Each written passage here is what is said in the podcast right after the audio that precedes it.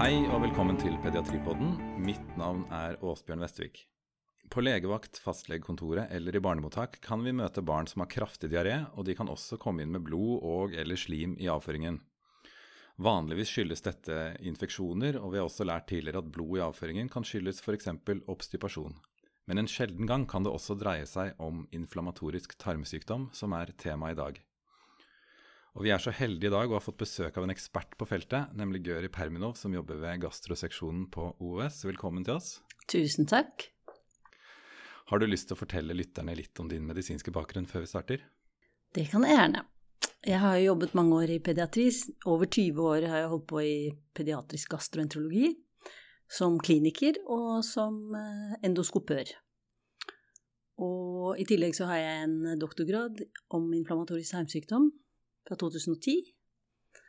Så det er et veldig spennende felt, og det er min faglige spiss på en måte, da, inflammatorisk tarmsykdom. Da er det jo helt perfekt at du kan være med oss her i dag og belyse temaet.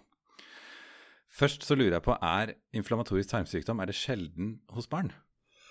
Ja, Totalt sett så må man si at det er en relativt sjelden sykdom, selv om vi ser jo at det har en økende forekomst eh, i alle aldersgrupper. Eh, og det er jo også sånn at det er i Skandinavia og i den vestlige verden så ser vi jo høy, høyere forekomst da, enn mange andre steder i verden. Men eh, hvis man skal se på tall i Norge, så er det litt gamle pediatriske tall, eller barnetall når det gjelder insidens. Altså, så da har det vært et materiale fra Bergen på 80-tallet hvor incidensen var målt til sånn ca. fem nye tilfeller per 100 000 barn og unge under 18 år. Og så gjorde man en ny studie da, tilsvarende min, eller som var min doktorgrad, hvor vi fant en insidens som økte helt opp i 10 for samme aldersgruppe. Mens hos voksne så er det snakk om 20 per 100 000. Så det er jo ganske mange. Og hvis man regner om disse barnetallene da til eh, For å skjønne hva totalantallet er, og man beregner den totale barnebefolkning, det gjorde jeg for noen år siden, og, og da finner man at eh, det er ca. Altså over 18 år så er det ca. en drøy million, altså 1 250 000 Eh, så barn og ungdom da, i denne aldersgruppen. Og hvis man regner om det insidenstallet, så er det ca. 100-150, jeg vil tippe 150 nye tilfeller per år i mm. Norge, da. Mm. Og, og, når da et barn får denne diagnosen, eller får symptomer på det, har det noe å si for prognosen når man får det? Altså når debuten er, om den er i barnebefolkningen, eller hos et barn eller hos en voksen? Ja, eller ungdom eller ungdom. Altså, vi er opptatt av å komme tidlig til diagnose for å sette i gang behandlingen tidlig. Så sånn sett så er det viktig å tenke på diagnosen og bruke de verktøyene som fins for å få diagnostisert tidlig. Jo lenger symptomer har stått, jo vanskeligere kan det være å liksom bryte, bryte sykdommen, da, eller dempe den på en måte. Så det å få satt diagnose så raskt som mulig er eh, er bra for prognosen hvis man kommer i gang? Ja, det mener man. At jo tidligere og kortere symptomvarighet og tidlig igangsatt behandling vil være gunstig prognostisk for langtidsutsiktene, da. Og det å stille den diagnosen, det må gjøres i spesialisthelsetjenesten. Men hva skal fastleger eller primærhelsetjenesten gjøre for å kunne eh, få pasientene inn på riktig spor så raskt som mulig? Hva, hva bør gjøres ute før de henvises? Ja, det, det, er et veldig viktig poeng, fordi veldig mange barn har vondt i magen. Veldig mange barn har diaré eller løse tømninger, og kan også ha tendens til blod, sånn som du nevnte innledningsvis. Sånn at det finnes noen verktøy som er uh, veldig uh, gunstige å bruke i, i førstelinjetjenesten. Da. Og det første er jo selvfølgelig å utelukke infeksjon hvis barnet har diaré. Sånn at, og da kan man jo bare ta avføringsprøve til dyrkning for baktovirus f.eks. Eh, samtidig så kan man ta Det er en veldig god test som kalles kalprotektin, eller fekaltest, som er en avføringsprøve, som også vil avdekke om det foreligger noen form for inflammasjon, da. Den vil jo også være forhøyet ved andre tilstander, men det er en fin screening sånn i utgangspunktet. Så det er en god ting å gjøre. Mm. Disse verdiene på fekaltest de kan jo være ja, normale, som sier, men også flere tusen. Er det noe sted hvor man kan si at det, det kun er forenlig med en inflammatorisk tarmsykdom, basert på den verdien? Ja, så hvis den er over 1000, så syns jeg jo man kan si det. Men det er sånn at barne, altså i barne- og ungdomspopulasjonen så sier man at uh, Altså hos de større ungdommene da, så er uh, cutoff uh, rundt 50-100, altså 50 til 100, mens hos voksne er det 100. Sånn at, men hvis barna er veldig unge, så hos små barn som er under 5-6 år, så kan verdien være noe høyere, noen hundre. Så det sånn, kan være litt vanskelig å vurdere. Så da kan man jo vurdere f.eks. å ta én prøve, og det kan jo også være sånn at da barnet har Hvis den har en pågående infeksjon eller det er noe annet som dukker opp, så vil fekaltesten også reagere og bli forhøyet. Sånn at man kan da ta en ny test etter et par uker f.eks., hvis man har tid til det da, og ikke symptomene er veldig uttalt. Og så kan man se om det er en vedvarende forhøyet fekaltest f.eks. Og da hvis den er flere hundre, så er det noe vi er interessert i å vite om, og som har stor betydning for den videre utredningen. Mm. Og ved siden av da blod og slim i avføringen og diaré, hvilke andre symptomer skal man være obs på? Altså magesmerter er eh, Du kan si at det skiller jo litt. Inflammatorisk tarmsykdom er jo delt inn i tre forskjellige tilstander, som alle vet. Det er Crohns sykdom, ulcerøs kolitt, og så kan vi ikke alltid skille mellom de to. Og da kaller vi det for eh, inflammatorisk tarmsykdom, uklassifisert etter nyere nomenklatur, da.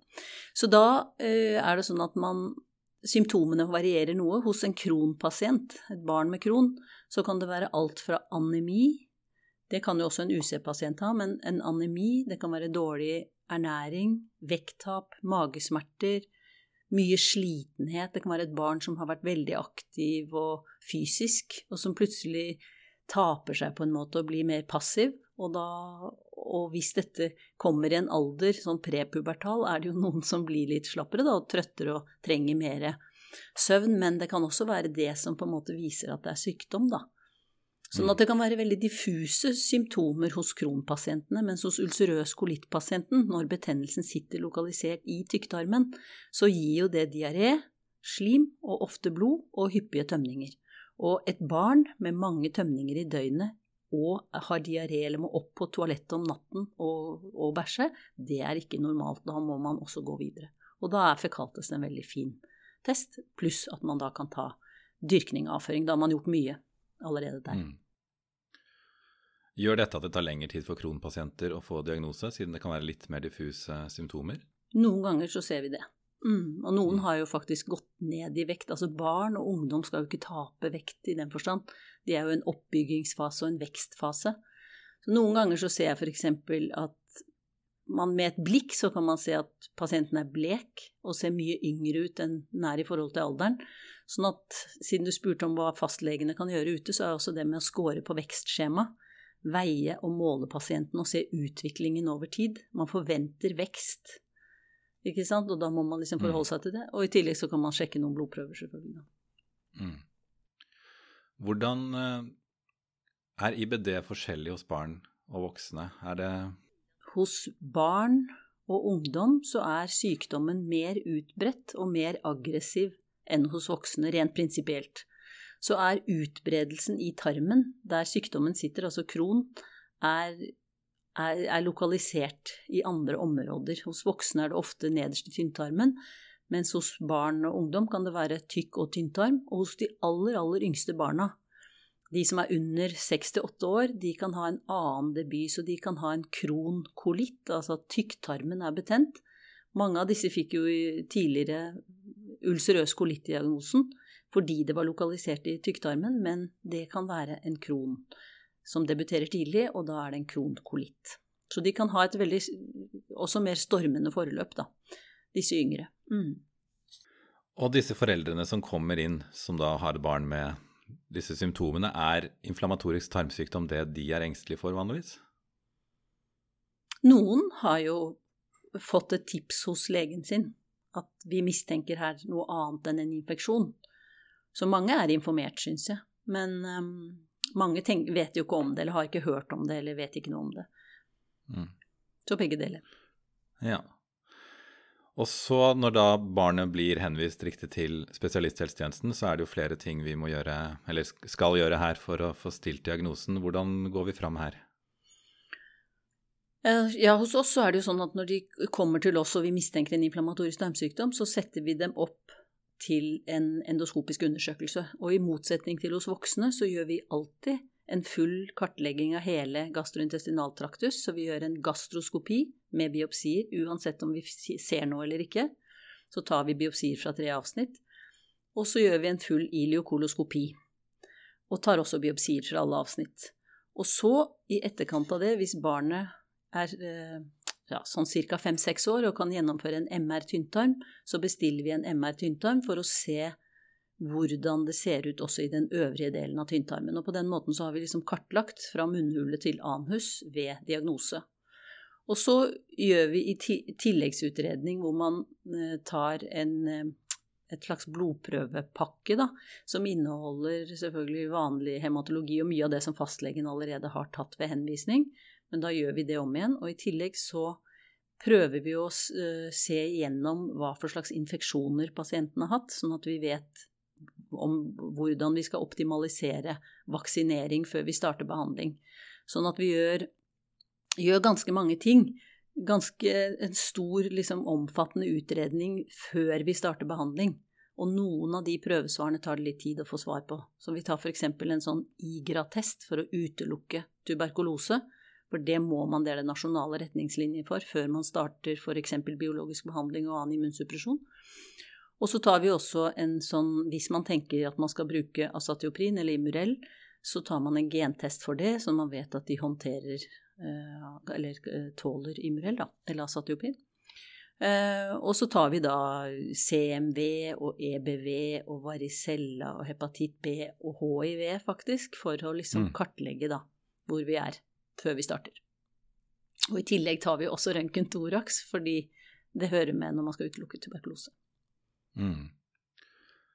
Er dette også prøver som man kunne tatt i før man henviser, eller bør det på en måte Bør man først bli vurdert ved sykehus for å se at det er indikasjon for å ta disse prøvene? Jeg syns kanskje IGRA-test og TPMT og sånne mer spesifikke, spesielle prøver, det kan vi ta her. Eh, og D-vitamin. Men mange har tatt D-vitamin og full hematologisk screening ute, og det er fint. Med leverprøver og vanlig hematologi og nyreprøve og sånne ting. da. Mm. Albumin og CRP.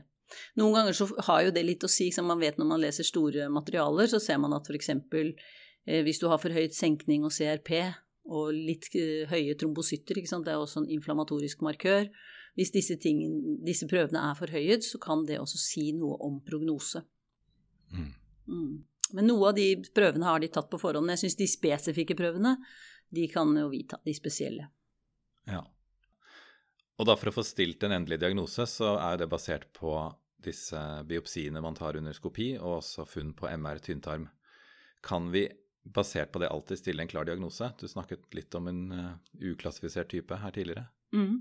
Nei, det er ikke alltid så lett. For det første så er det kriterier for å få en inflammatorisk tarmsykdomsdiagnose. Sånn at du må, det må være liksom makroskopiske funn og eller histologiske funn. Sånn at det er kriterier for å gi diagnosen. Og så er det jo forskjell på eh, Altså har du en kron, så kan du ha forandringer fra munnhule til anus.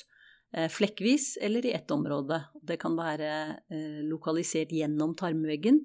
Det er jo derfor disse pasientene også kan få fistler og absesser, fordi det er sånn sykdommen er.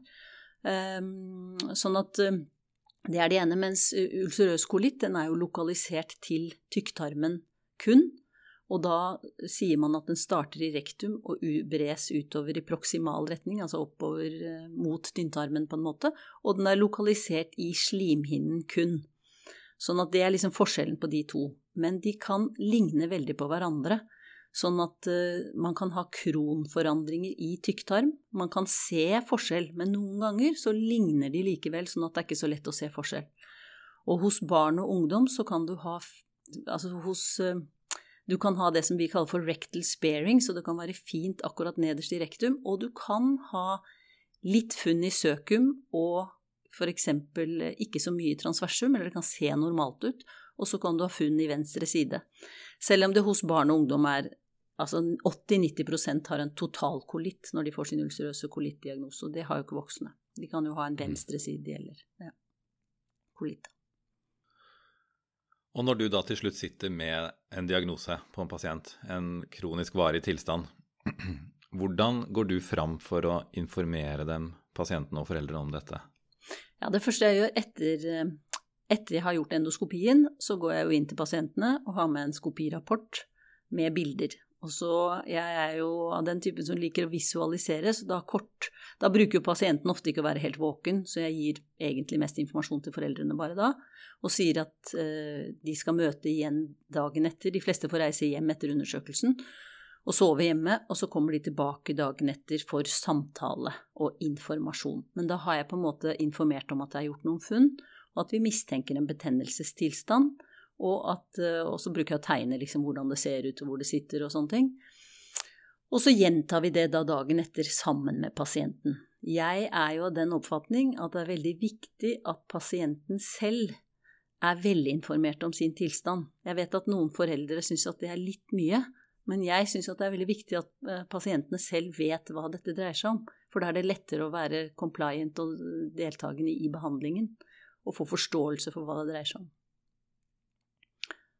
Så da gir vi ordentlig informasjon, og så informerer vi også om uh, hva mer vi skal gjøre av prøver. Og så sier jeg litt om hvordan det er nå, og hvordan det blir, hvordan behandlingseffekten At vi tenker også at det kommer til å gå, da. For ofte så ser man jo det litt, ikke sant. Mm.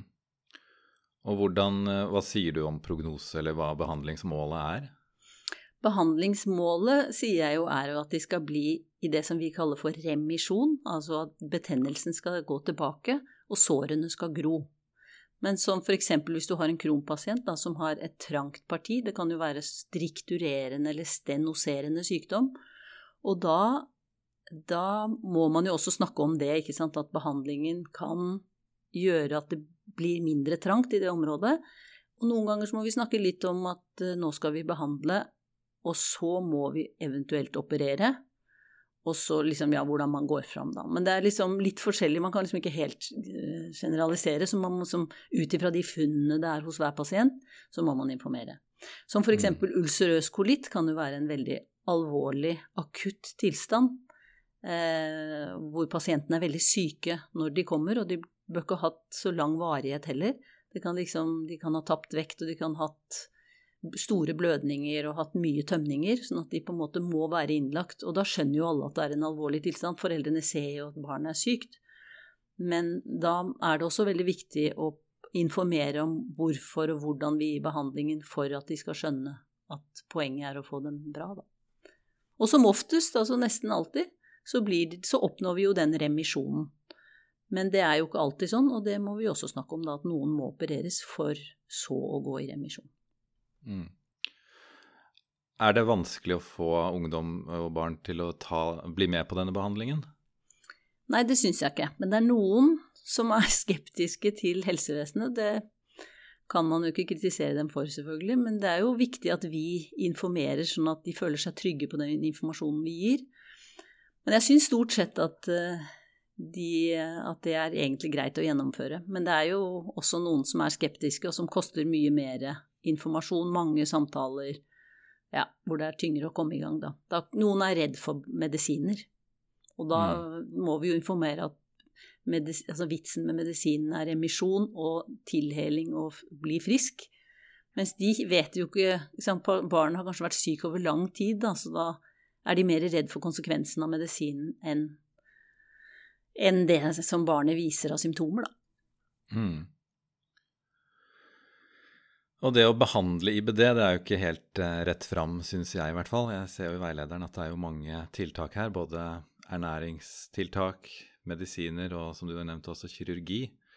Klarer vi, Jeg tenker at vi kanskje skal få dekket dette i en egen episode, selve behandlingen av IBD, men klarer du kortfattet å gi en oversikt over behandlingen? Ja, altså Det vanlige er sånn som det er nå, når barn er såpass aggressivt eh, rammet mange ganger, så er det veldig mange som havner med dobbel behandling, altså en biologisk preparat i kombinasjon med en lavdosert immunsuppresjon. Altså f.eks. Infliximab, da, som er en intravenøs medikamentell biologisk behandling. Eh, kombinere det med en lavdose eh, immunsuppresjon for å beskytte mot reaksjoner på det biologiske preparatet. Så det er nokså vanlig. Men det initiale som vi gjør med kron, mistenkt kronpasient som er i dårlig form og som eh, ernæringsmessig viser ubalanse, så prøver vi først å starte flytende ernæring mens vi sluttfører den eh, utredningen som skal gjøres. For liksom, du får ikke alle svarene på én dag. Og da flytende ernæring har en helt utrolig effekt på disse pasientene fra dag én.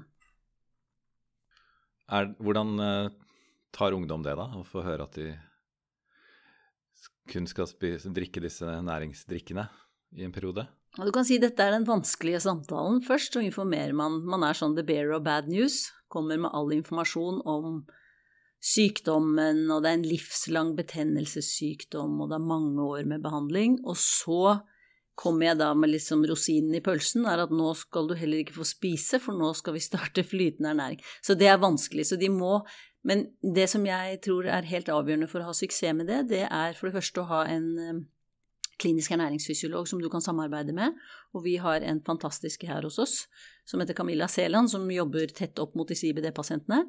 Sånn at da informerer vi nøye, de får smake på drikkene, og så har vi tett dialog de må liksom ses minst en gang i uken nesten, eller ha kontakt. Og så må vi motivere. Og jeg bruker å si at hvis det går tre dager på flytende ernæring, og du ikke kjenner noen bedring, da kan du ringe. For da er det kanskje ikke noe vits i.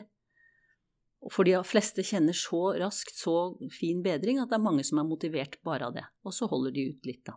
Og nå er vi jo på trappene til å prøve å kombinere, starte flytende og så kombinere med en sånn kroneliminasjonsdiett som vi kanskje kom, Så det er kanskje litt lettere å stå på flytende med litt mat sammen med. Men et styrt kosthold, da. Hvordan er den dietten, da? Det er litt nysgjerrig på. Ja, det er en veldig spennende diett. Det, eh, det, er sånn at for Kron så har man ikke funnet noen sikker diett som kan eh, gjøre pasienten frisk. Men det har vært gjort noen studier i Israel som viser at hvis du gir Da er det snakk om fem matvarer man kan kombinere med næringsdrikk. Eh, så da er liksom planen Den studien som har vært gjort, da har vært gjort to ganger seks uker. Det høres jo veldig lenge ut. Men da har man gjort, eh, gitt én gruppe seks uker bare flytende, og så har man gitt en annen gruppe seks uker flytende i kombinasjon med disse fem matvarene. Og det er kylling og potet og banan, tror jeg, og ja, det er noe i den sjangeren. Og så skal det være en viss mengde, da, ut fra pasientens størrelse og hvor mye som er flytende og hvor mye som er mat. Da, og da har det vist seg at den gruppen som får kombinasjonsdietten, de gjør det, har det veldig mye bedre. Og går, altså de, mange av dem går jo i remisjon på bare det. Men det er klart, du kan ikke leve på det. Sånn at det er liksom en uh, Som gir dem en flying start, som jeg bruker å si til pasientene. At du ja. begynner liksom ut med den flytende, som løfter dem veldig fort. Og så starter vi behandling, og så virker ting bedre. Så bra. Kommer man av medisiner eller behandling noen gang? Ja, det er mange pasienter som faktisk i voksen alder da, har medikamentfrie år, som vi kaller det. Men de mest alvorlig rammede eh, gjør jo ikke det. Men i barne- og ungdomspopulasjonen, det er jo en fase med vekst og utvikling. Så jeg bruker å informere nøye om det, at i denne perioden så avslutter vi veldig sjelden behandling. Altså det har vel nesten ikke skjedd. Det hender at vi trapper ned, og det hender at vi tar noe bort. Men det viktige er å holde dem i remisjon gjennom den fasen for at de skal få vokst og utviklet seg som de skal, og at de går i pubertet når de skal. Sånn at for barne- og ungdomspopulasjonen så er det behandling gjennom de årene. Og så har vi jo en overgang til voksen, og det, da endrer det seg litt. Mm. Hvordan, gjør, hvordan, jobber dere med den overgangen? For det er jo ganske stort å gå fra ja, fra barn Gå fra å være på barneavdeling til å komme inn på voksenavdeling? Jeg vet ikke om man får ukentlig oppfølging der? Nei, altså ukentlig har ikke vi heller, bare for å si det. Men vi bruker jo å følge disse pasientene etter den initiale fasen hver tredje måned på poliklinikken eller på dagposten hvor de får behandling. Men um, når vi skal ha overgang til voksen, det, egentlig er det en veldig viktig uh, gjennomført overgang, men det er vanskelig å få gjennomført i det norske helsevesen da, med dagens ressurser. Men det vi gjør hos oss, er at vi har en um, gjennomgang av pasienten på noe som vi har som heter IBD-møte, som er et møte med flere uh, aktører, både røntgen og kirurger og gastromedisinere og barneleger. Så vi, når vi sitter sammen i det møtet, så bruker jeg å presentere en pasient som skal over. Og så er jo det noe vi har begynt i pediatrien fra Altså Det spørs jo når jeg treffer pasienten første gang, men det er liksom viktig å snakke om den overgangen i flere år på forhånd. Og få pasientene til å ta ansvar for sin situasjon, eh, at de skjønner hvilke medisiner de trenger, at de liksom Ja, at de får ansvarsfølelse i forhold til da. Sånn at noe av poliklinikktiden er med bare pasienten alene en stund før de skal over på voksensiden. Og så har vi det samarbeidet, da. Men eh, ja, det fins jo andre steder i verden hvor de har egne transisjonsklinikker hvor denne overgangen tas betydelig mer seriøst, da, hvor de kjører det litt annerledes. Så det ønsker vi oss. Ja, og det er nok flere andre seksjoner som også kunne ønske seg, sikkert. Det vil jeg tro. Hvis disse pasientene får vondt i magen, de som har en kjent diagnose, og får vondt i magen eller løs avføring osv., skal de komme direkte til sykehus, eller kan de starte på legevakt? Altså, vi Vanligvis hos oss, vi følger våre pasienter ganske tett. Så vi har eh, Jeg sier til dem at de må gjerne prøve å kontakte oss direkte først. Men det spørs jo litt hvilken pasient det er. ikke sant? Hvis det er en pasient med en kjent stenose, hvor du egentlig forventer at behandlingen kan gjøre at de nesten får ilius, så er de jo veldig nøye informert, og da skal de ringe hit, og det står med store, fete bokstaver i journalen. Men andre har kanskje Eh, et litt annet forløp, og vi ønsker oss veldig et godt samarbeid med fastlegen, sånn at vi kan gjøre begge deler, da. Men i utgangspunktet så stiller vi oss åpne for at de kan kontakte oss direkte når de har en sånn alvorlig sykdom. Sånn er det jo ikke på voksensiden, så det, vi skjemmer dem litt bort, så det er jo litt vanskelig kanskje etter hvert, da, når de blir ja. større. Men som du nevnte tidligere, så er jo pubertet også en vekstfase hvor det er veldig viktig å mm få god behandling. Ja, så vi mener at det er eh, rimelig å passe godt på dem. Ja. Er det noen akutte komplikasjoner vi bør ha i bakhodet når vi får meldt en IBD-pasient med vondt i magen? Da er det igjen spørsmål om hvilken type de har, om de har en kron av strukturerende type. Det har betydning. Um, men um, og, og, en ulcerøs eh, kolittpasient de kan jo ha et mer svingende behandlingsforløp, hvor de får intensivert behandlingen i dårlige faser, og så kan man gå ned på behandling i bedre faser.